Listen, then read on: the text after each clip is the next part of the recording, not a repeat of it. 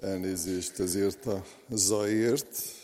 Leesett a mikrofonom, meg a Bibliám, de most már egybe van minden, úgyhogy folytatjuk.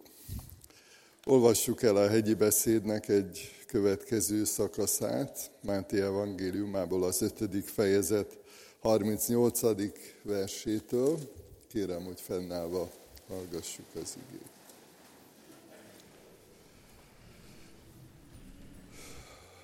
Így hangzik Isten igéje. Hallottátok, hogy megmondatott, szemet szemért, fogad fogért. Én pedig azt mondom nektek, hogy ne szálljatok szembe a gonosz emberrel, hanem aki arcülüt téged jobb felől, tartsd oda annak arcod másik felét is.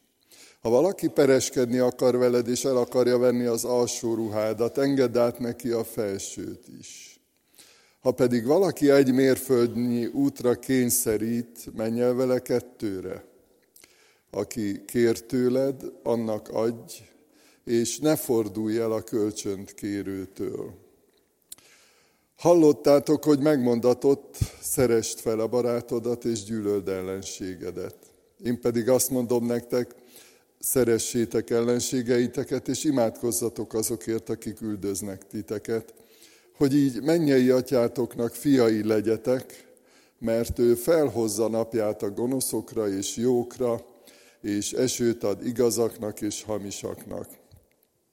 Mert ha azokat szeretitek, akik titeket szeretnek, mi a jutalmatok? Nem ugyanezt teszik-e a vámszedők is? És ha csak testvéreiteket köszöntitek, mennyivel tesztek többet másoknál? Nem ugyanezt teszik a pogányok is? Ti azért legyetek tökéletesek, miként a ti mennyei atyátok tökéletes. Eddig olvastuk Isten igét, foglaljunk helyet.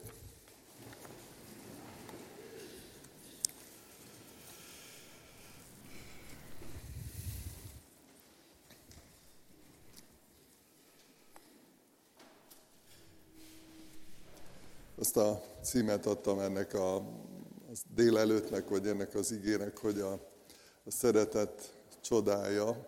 Mert hogyha végig gondoljuk ezeket a gondolatokat, üzeneteket, ami ebben a, a bibliai szakaszban benne van, akkor azt mondhatjuk, a magunkra gondolunk, vagy a világunkra gondolunk, hogy hát ehhez csoda kell, tehát ez csak úgy magától nem, nem jön. És azt gondolom, hogy sokan, amikor hallják ezeket, vagy olvassák ezeket a gondolatokat, akkor ez az első reakciójuk, hogy hát na ne.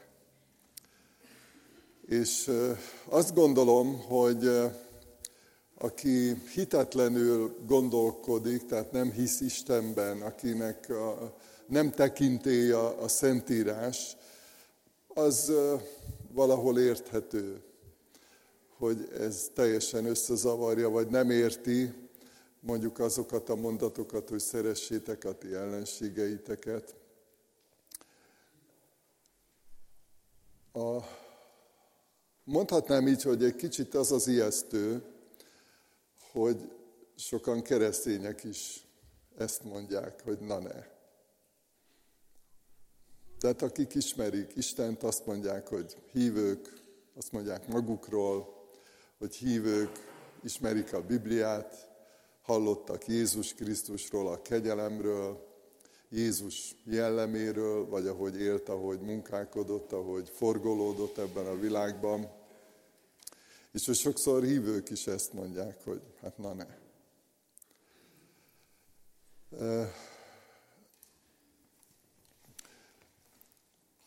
Ez is egy olyan szakasz, azt gondolom, hogy sok, sok ilyen bibliai szakasz van, ami ami sokkal többet kíván tőlünk, mint hogy most egy néhány perces tanítást vagy igehirdetést végighallgassunk, mert nem, nem biztos, hogy tökéletesen minden össze fog állni.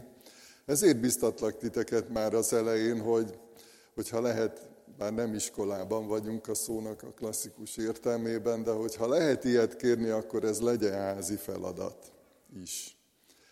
Hogy hogy ma este, holnap reggel, holnap este, vagy amikor így kinyitjátok a Bibliát, amikor imádkoztok, amikor gondolkodtok, akkor következő héten minden nap vegyétek elő ezt az igét, és olvassátok végig, és gondolkodjatok rajta, mert nem jó, nem jó, hogyha ha Krisztus mond valamit, és mi azt mondjuk rá, hogy hát na ne. Tehát tudjuk, hogy sok jó dolgot mond Krisztus, meg sok minden, amit mi megvalósíthatónak ítélünk, de hát azért, hát na ne. És bevezetőben szeretnék három kérdést felvetni, ami segít abban nekünk, akik Krisztus követői vagyunk, segít abban, hogy, hogy egy picit más oldalról nézzük az egészet, és elgondolkodjunk azon, hogy, hogy mondhatunk-e ilyet, hogy na ne.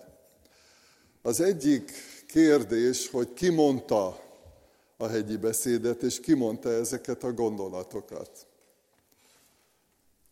Az Úr Jézus Krisztus, akiről azt írja Pálapostól, hogy, hogy ő maga is részese volt a teremtésnek, ő általa is reánézve teremtetett minden,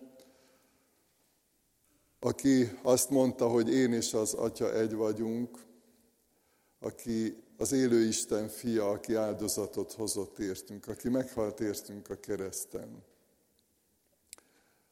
És hogyha ezt végig gondoljuk, ismerve Jézus Krisztus motivációit, indítékait, gondolkozását, amilyen ő és aki ő valójában, hogyha ezt végig gondoljuk, akkor már óvatosabban fogalmazunk. Mert hogy leesik a tantusz, hogy, hogy hát mi nem bírálhatjuk felül őt, ha azt mondjuk, hogy nekünk ő tekinté, hogyha a Szentírás tekinté, a legnagyobb tekinté előttünk, akkor mi nem mondhatjuk azt, hogy hát sok mindent elhiszek, sok mindennek engedelmeskedek, de hát azért ez több a soknál. Tehát nincs jogunk ezt mondani. Isten fia, maga Isten üzeni azt, hogy szeressétek a ti ellenségeiteket, és imádkozzatok azokért, akik titeket bántanak. Nem akarok erről túl sokat beszélni, még egy gondolatot szeretnék megerősítésül mondani, hogy, hogy tudjuk Jézus Krisztusról több oldalról is ez bebizonyította nekünk, az igéből is ez kiderül, hogy, hogy ő nem csap be. Tudjuk, hogy mindig igazat mond. Egészen annyira és egészen olyan módon, hogy egyszer azt mondta, hogy én vagyok az út, az igazság és az élet. Tehát nála nincs tévedés, vagy a tévedésnek az árnyéka sem. Tehát nem, nem mondhatjuk azt, hogy hát azért ezt egy kicsit elrontotta. Tehát nem vetődhet föl bennünk, ha egészséges a hitünk. Nem vetődhetnek fel ilyen gondolatok bennünk, mert ez a tökéletes isteni igazság, amit ő mondott. A másik kérdés, hogy kinek, kinek mondta. És ugye itt kanyarodok vissza ahhoz, hogy hát nyilván aki hitetlen, aki nem ismeri Jézus Krisztust, akinek nincs kapcsolata Istennel, aki nincs beszélő viszonyban Istennel, akinek nem tekintély a Szentírás, hanem azt mondja, hogy egy jó könyv, vagy esetleg egy rossz könyv, az, az persze, hogy nem érti. Tehát a tanítványoknak mondta, azoknak a követőinek, akiknek ő tekinté volt. És nyilván, hogyha valakit szeretnénk a Szentírással meggyőzni, szeretnénk bizonságot tenni a megváltóról, az Úr Jézus Krisztusról, a bűnbocsánatról, a szabadításról, akkor nem ezzel fogjuk kezdeni, hogy majd ha ezt megugrod, megugrottad, hogy szereted az ellenségeidet, majd akkor folytathatjuk a beszélgetést. Nyilván ez a, mondhatjuk úgy is, hogy ez a keresztény élet, vagy hívő élet, vagy a tanítványság magas iskolája, ehhez kell egyfajta érettség, amíg az ember eddig eljut, és nem csak a, a lexikális tudás szintjén, hanem a meggyőződés és az életmód szintjén is. A harmadik kérdés, hogy mi volt a célja Jézus Krisztusnak.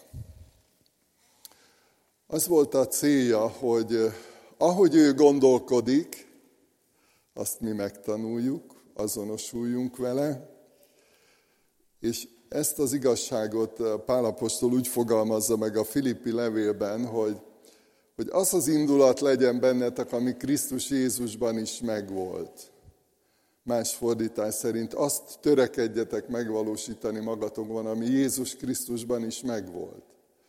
Tehát az a csoda, hogy eh, Krisztussal együtt keresztre vagyok feszítve, és többé nem én élek, hanem Krisztus él bennem, az azt jelenti, hogy, hogy akkor a Krisztus igazsága, a Krisztus bölcsessége, a Krisztus gondolatai, a Krisztus alapelvei határozzák meg az én gondolkozásomat is. Ha ez nem történik meg, akkor nem járunk Krisztus útján, akkor nem követjük őt, akkor legfeljebb szimpatizálunk néhány gondolatával, hogy hát vannak jó ötletei, meg jó gondolatai. De az életközösség, az élő hit, az sokkal többet jelent annál, mint hogy vannak információink Jézus Krisztusról, meg bólogatunk egy-egy igazságra, vagy nem bólogatunk. A tanítványoknak nincs választási lehetősége, hogy Krisztus után mennek, vagy nem. Mert ha nem, akkor nem tanítványok, nem követők.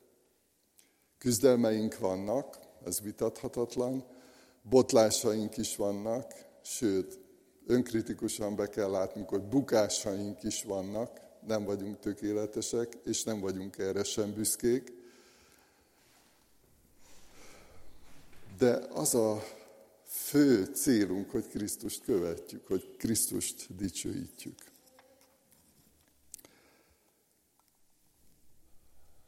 Krisztus tanítása, először az első szakaszból néhány gondolat, 38-39. verset olvasom újra. Hallottátok, hogy megmondatott, szemet szemért, fogad fogért. Én pedig azt mondom nektek, hogy ne szálljatok szembe a gonoszszal, hanem annak, aki arcülőt jobb felől, tartsd oda a másik arcodat is. Ószövetségi igék is vannak, ezeket most nem fogom felolvasni, amelyek tulajdonképpen abban segítenek az embernek, hogy értelmesen gondolkodjon, hogy a teremtésnek vagy, vagy Isten akaratának megfelelően gondolkodjon, és ne legyen bosszúálló.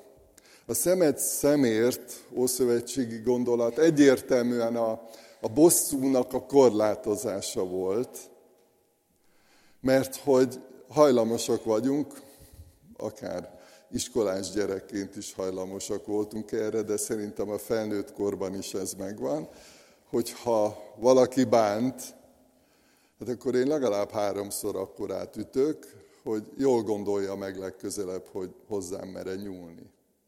Nem? Ez van bennünk.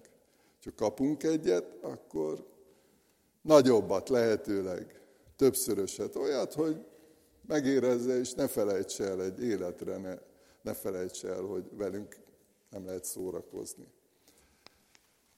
Azt mondja az ige, hogy szemed szemét fogad fogért. Ez pont abban segített, az akkor még gondoljunk arra, hogy milyen igazságszolgáltatás volt, sőt, hogyha még korábbra megyünk, akkor például ilyenek voltak, mint a vérbosszú intézménye, tehát hogy teljesen más volt, mondhatjuk így, a jogi környezet, és pont abban segített Isten, és Isten profétái, küldöttei abban segítettek, hogy legyenek önmegtartóztatóak, mértékletesek e tekintetben is.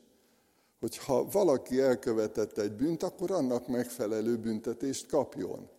Tehát ez éppen nem a bosszúra való biztatás, hanem a bosszúnak a korlátozása volt. Az Úr Jézus nyilván tovább megy, és azt mondja, hogy egyáltalán ne legyél bosszúálló, ugye hagyd Istenre a bosszút, ugye enyém a bosszúé megfizetek, erről is van Ószövetségi, illetve Újszövetségi tanítása az igének, hogy bíz az ítélő, az ítéletet meghirdető és az ítéletet végrehajtó Istenben. Bíz benne, hogy amit ő mond, az megvalósul. És ne légy bosszúálló, ne keresd a bosszúnak az idejét és a lehetőségét. Ide mindenképpen szeretném kapcsolni azt, hogy ez nem azt jelentette az új szövetségben sem, sőt Krisztus tanításában sem, hogy, hogy mindenféle következmény nélkül eltiporhatják a, az embert, a tanítványokat, tönkre, tönkre tehetik kényük kedvük szerint. Egy igét szeretnék olvasni, amit maga Jézus Krisztus történetében találunk, hogyan kereste és hogyan valósította meg az Úr Jézus az igazságot. János 18, 22, 23. Amikor ezt mondta, az ott álló szolgák közül az egyik arcul ütötte Jézust, és így szólt. Így felelsz a fő papnak, mire Jézus így válaszolt. Ha rosszat mondtam, bizonyítsd be, hogy rossz volt, ha pedig jót mondtam, miért ütsz engem? Mondhatjuk úgy is, hogy az igazságért, a jogosságért az Úr Jézus is kiállt. Hát ne ütöges, vagy ne ítélges feleslegesen,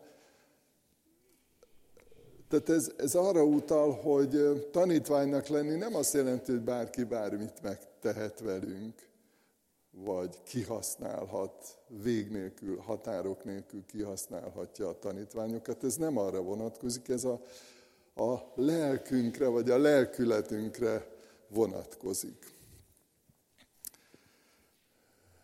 A következő, amiben még mindenképpen szeretnék egy kicsit bele menni, mert ez is egy olyan téma, amiről néhány napig egy, egy konferencia keretében lehetne beszélgetni, meg előadásokat mondani, meg hallgatni. Annyiban is változott korunkban a társadalom, mondjuk, hogyha a Krisztus korabeli társadalomra gondolunk, vagy akár a korábbi társadalmi mintákra, hogy ma például a, a kéregetés, az üzletág. És lehet, hogy nem mindenki tudja, de nagyon jól jövedelmező üzletág. Mert azon gondolkodtam, hogy mikor mennek majd a tőzsdére. Csak egy, egy példát mondok el, és nem, nem azért, hogy bárkinek a kedvét elvegyem a jótékonykodástól, attól, hogy segítsen valaki, csak hogy, hogy amikor a saját bőrünkön érezzük, amikor akár itt a templomban, az imaházban, akár az utcán vagyunk ennek a tanúi, azért nyilván az, az segít abban, hogy eligazodjunk. Szokott itt valaki kéregetni, én is adtam már neki, úgy gondolom, hogy sokan adtak már neki anyagi segítséget, és egyszer, ahogy itt mentem a Veselény utcán, láttam, hogy, hogy egy férfinak leszámolta az aznapi bevételt. Tehát gyakorlatilag egy bűn szervezet keretében kéreget, és nyilván a főnökeinek, vagy azoknak, akik ebben érdekeltek, azoknak leszámolja. És hát ezen gondolkodtam el egyrészt, hogy van egy egyértelmű igei, bibliai nem csak tanácsunk, hanem parancsunk, hogyha valaki kér tőled, akkor annak adj. Másrészt meg azt gondolom, hogy van egyfajta szintén Istentől kapott bölcsességünk, amikor megpróbáljuk átlátni, néha imádkozva, könyörögve, és nem, nem mondhatjuk azt, hogy biztos, hogy soha nem fogunk tévedni, biztos, hogy soha nem fogunk elrontani valamit. És azt is tudom, hogy majdnem mindannyian tudnánk egy-egy ilyen élményt megosztani, amikor kihasználtak minket, vagy bolonnak néztek, vagy vagy megfosztottak valamitől. De, de azt gondolom, hogy, hogy amikor keressük az igazságot, akkor ebben benne van az is, akár ilyenekre gondoltam, hogy ahogy reggel elindulunk otthonról, Lehet ezért imádkozni, mert most már minden piros lámpánál is találkozunk kiregetőkre. Uram, adj bölcsességet. Bekészíthetünk egy kis pénzt, akár az autónak a kesztyűtartójába, vagy valahova, hogy, hogy szeretnénk adni, segíteni, de, de Uram, vezess, és,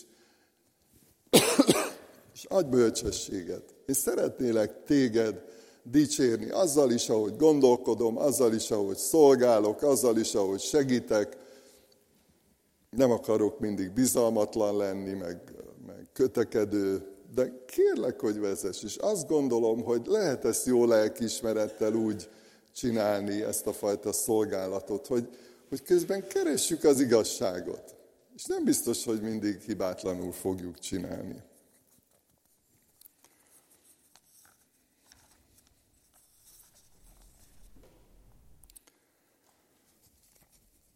Néhány általános alapelvet, gondolatot is szeretnék felvetni.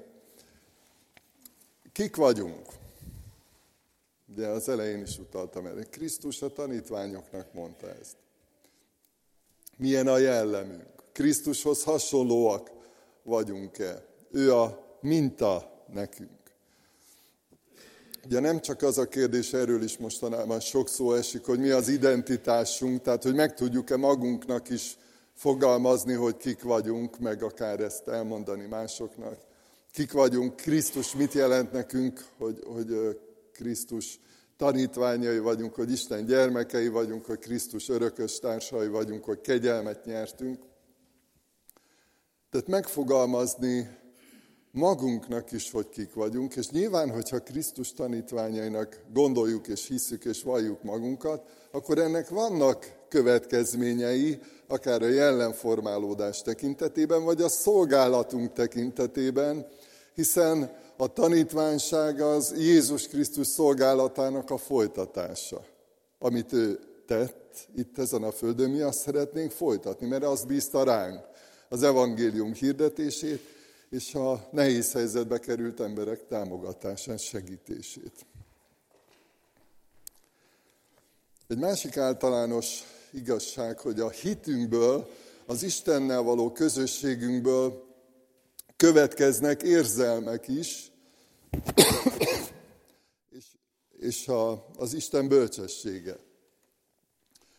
Gondoljatok Pálapostolra, aki olyan szeretettel viseltetett az elveszett emberek felé. Vagy gondoljatok az Úr Jézusról azt, azt olvassuk, hogy szerette őket mindvégig, tehát a tanítványokat is, akikről tudjuk, hogy, hogy volt, amikor engedetlenek voltak, volt, amikor figyelmetlenek voltak, tehát nem, nem voltak ők sem tökéletes követők vagy tanítványok, de annyira jó látni, meg, meg az igében meg, meglátni azt, hogy, hogy ahogy az Úr Jézus szerette az elveszetteket, a bajba jutott embereket, úgy a követői is, a tanítványok is. Ez a normális, amikor a Krisztus érzelmei bennünk is valóságosak. Vagy éppen az a bölcsesség, ahogy eh, nem feltétlenül, és ezt is sokszor tudjuk, hogy nem feltétlenül csak anyagi segítségre van szükség, sőt olyan is van, amikor egyáltalán nem arra van szükség, hanem egy bátorításra, segítségre, egy lelki gyógyulásra, hogy végre megszabaduljon a megkötözöttségeiből, és, és megtérjen, és Krisztussal rendeződjön az élete. És ez is kell bölcsesség. Isteni gondolkozásmód, hogy éppen mire van szükség, és hogy mi az, amit ránk bíz Isten. És a jellemünkből, a lelkületünkből fakadnak ezek a tettek, hogy tudjuk, hogy mikor, hova kell menni, kihez kell oda menni, vagy kihez nem kell oda menni, vagy kinek kell nagyot köszönni, és utána elbúcsúzni, és kinek kell, kivel kell mondjuk leülni, és egy órát beszélgetni, imádkozni. Tehát, hogy Isten ebben is segít, vezet és, bölcsé tesz. A 44. 45. versben olvastuk, én azt mondom nektek, szeressétek ellenségeiteket, imádkozzatok azokért, akik üldöznek titeket, hogy legyetek mennyei atyátoknak fiai, aki felhozza napját gonoszokra és jókra, esőt ad igazaknak és hamisaknak. Ez nem jön ösztönösen. Szeressétek a ti ellenségeiteket. Ez egy tudatos döntés, egy akaratlagos döntés. Kapcsolódik hozzá az imádságos lélek. És ez is egy olyan fontos szempont, amit sokszor nyilván hitetlenül egyáltalán nem értenek az emberek. Meg amikor mi küzdünk ezzel, és mondjuk Istennek, hogy hát Istenem, ez nem megy, nem, nem tudom szeretni, pedig hát próbálkozom, vagy hát igyekszem, de hogy valahogy nem megy, nem jön össze, akkor mindig kérdezzük meg magunktól, hogy imádkoztál érte? Elmondtad Istennek? Könyörögtél azért, hogy áldja meg őt, hogy segítsen neki, hogy segítsen rajta. Mert sokszor beszéltünk erről, hogy amikor megbántanak minket, vagy vagy ellenségesen viselkednek velünk, akkor beszűkülünk. És nem vesszük észre, nem látjuk meg Isten gondolatait, Isten szeretetét, Isten bölcsességét. Amikor a megoldást keressük, akkor tudnunk kell, és ezért is jó, hogy az evangéliumokban nagyon sok mindent olvashatunk az Úr Jézusról, hogy egy isteni mintát követünk, sok minden nem kell nekünk kitalálni, mert hogy van minta az Úr Jézus tanításában, az Úr Jézus viselkedésében, az Úr Jézus szolgálatában, és minta az ő indítéka, azért jöttem. Gondoljunk arra, hogy hányszor elmondja, és milyen sokféle módon megfogalmaz azt, hogy az elveszettekért jöttem, a betegekért jöttem. Nagyon világosan megfogalmazza, hogy mi az indíték, hogy mi, miért jött, hogy kikhez jött. És van egy felelősség oldala is ennek. Szeretnék egy olyan igét idézni, most nem fogom felolvasni egy hosszabb szakasz, de akik olvassátok a Szentírást, ismeritek ezt a részt, és hogyha egy sort elolvasok belőle, akkor tudni fogjátok, hogy melyikhez és hogy mire gondoltam. Itt az Úr Jézus a végső ítéletről beszél, és ezeket a gondolatokat is mondja. Éheztem, és ennem adtatok, szomjaztam, és innom adtatok, jövevén voltam, befogadtatok, mezítelen voltam, felruháztatok, beteg voltam, meglátogattatok, börtönben voltam, eljöttetek hozzám. Tehát ez, ezek egyértelmű jelek, utalások arra nézve, hogy, hogy amikor ez a döntés megszületik bennünk, hogy Krisztust akarjuk követni, ebben is imádkozunk azokért, akiket Isten ránk bízott, követjük Krisztus mintáját, és a, körbeérünk, meglepő, hogy Krisztus azonosítja magát a segítségre szóló embere. És azt mondja, hogy ha el, elmentetek valakit meglátogatni, hogyha segítettetek egy nehéz helyzetben levő emberek, akkor ezt velem tettétek meg.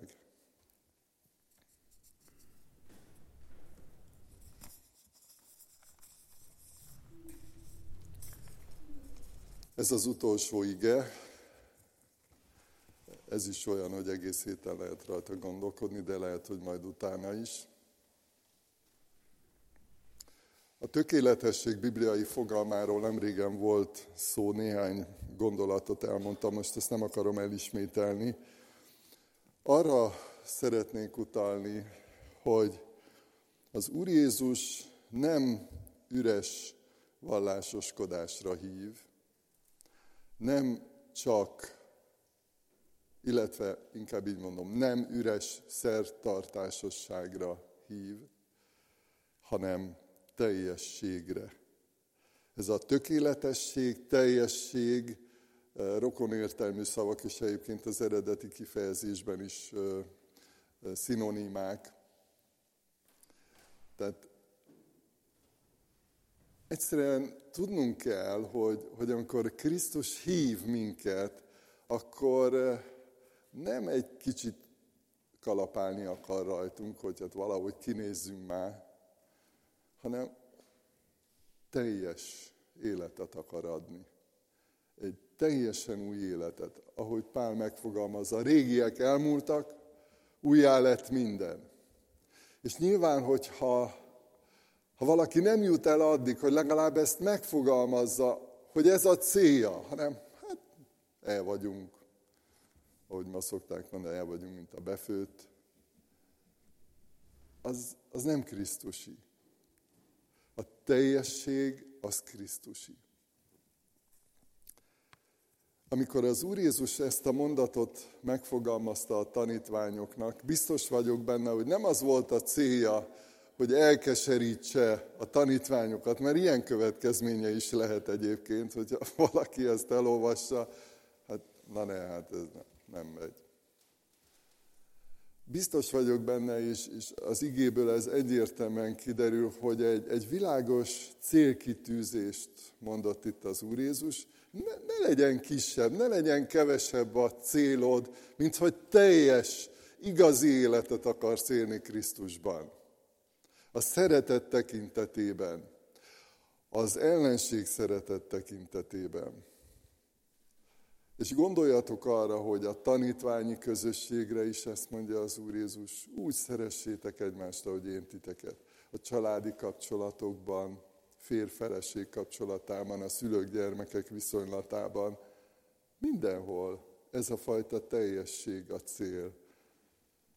Legyetek tökéletesek, mint ahogy mennyei atyátok tökéletes.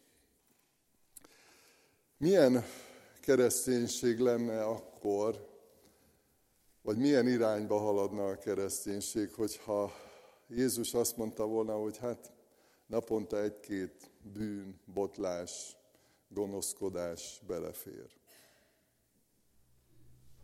Ugye, hogy érezzük, hogy milyen idegen, a hátunk borsózik tőle. Nem, nem, nem illik bele ebbe az egészbe, nem illeszkedik. Az Úr Jézus ezt sokszor használja meg, Pál Apostol is, ezt az illeszkedés kifejezést, hogy, hogy ez illeszkedik Istenhez, ez illeszkedik a tanítványokhoz, hogy ilyen célunk legyen. És ha a bűnvallásnak a lehetősége is ezért adódott, mert hogy úton vagyunk, hogy küzdelmek között vagyunk, és, és van, amikor nem sikerül. És van, amikor a szeretet tekintetében nem sikerül. Van, amikor bosszúállók vagyunk, olyan érzéseink, olyan gondolataink vannak, hogy utána mi is szégyeljük magunkat. Előfordul. Úton vagyunk, de legyen ez a célunk, a teljesség, a teljes a hit tekintetében, a teljesség a szeretet és a remény tekintetében. Ezért imádkozzunk most, hajtsuk meg a fejünket.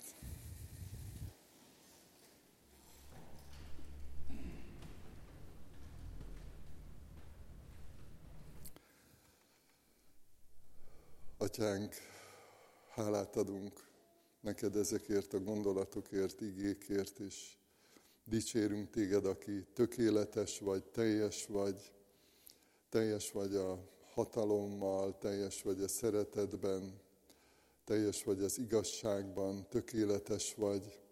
És éppen ezért hálásak vagyunk azért, Urunk, hogy kapcsolódhatunk hozzád, hogy nem kell bizonytalankodnunk, nem kell félnünk, hogy mi lesz, hogyha ha hiszünk neked, ha hiszünk benned, nem kell félnünk akkor, hogyha követjük a mi megváltunkat, az Úr Jézust. És azért imádkozunk, hogy vezess minket, segíts, hogy amikor a mindennapi életben néha vannak ilyen küzdelmeink, hogy döntéseket kell hoznunk, hogy kinek, mikor és hogyan segítsünk, hogyan álljunk mellé.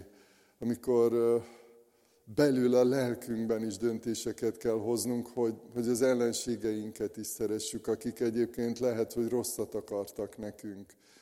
Urunk, megvalljuk előtted, hogy mi erre önmagunkban képtelenek vagyunk. Kérünk, hogy a te lelkedet áraszt kiránk, formálj minket, segíts, hogy olyan legyen a jellemünk, mint amilyen az Úr Jézus jelleme, olyan legyen a lelkületünk az a békesség és az a szeretet legyen bennünk, és ugyanakkor segíts, hogy a Te igédet megértsük, a Te igazságodhoz ragaszkodjunk, és, és köszönjük neked azt a drága mintát, amit adtál nekünk, és imádkozunk azért, hogy mi, akik ma a tanítványaid vagyunk, mi is jó minták legyünk, hogy ne csak a szavainkban, hanem tényleg a megnyilvánulásainkban is látható legyen az, hogy élő Isten vagy, hogy tökéletes Isten vagy, hogy szeretetteljes Isten vagy, hogy szabadító Úr vagy.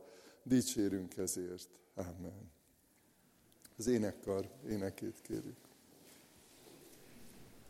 thank you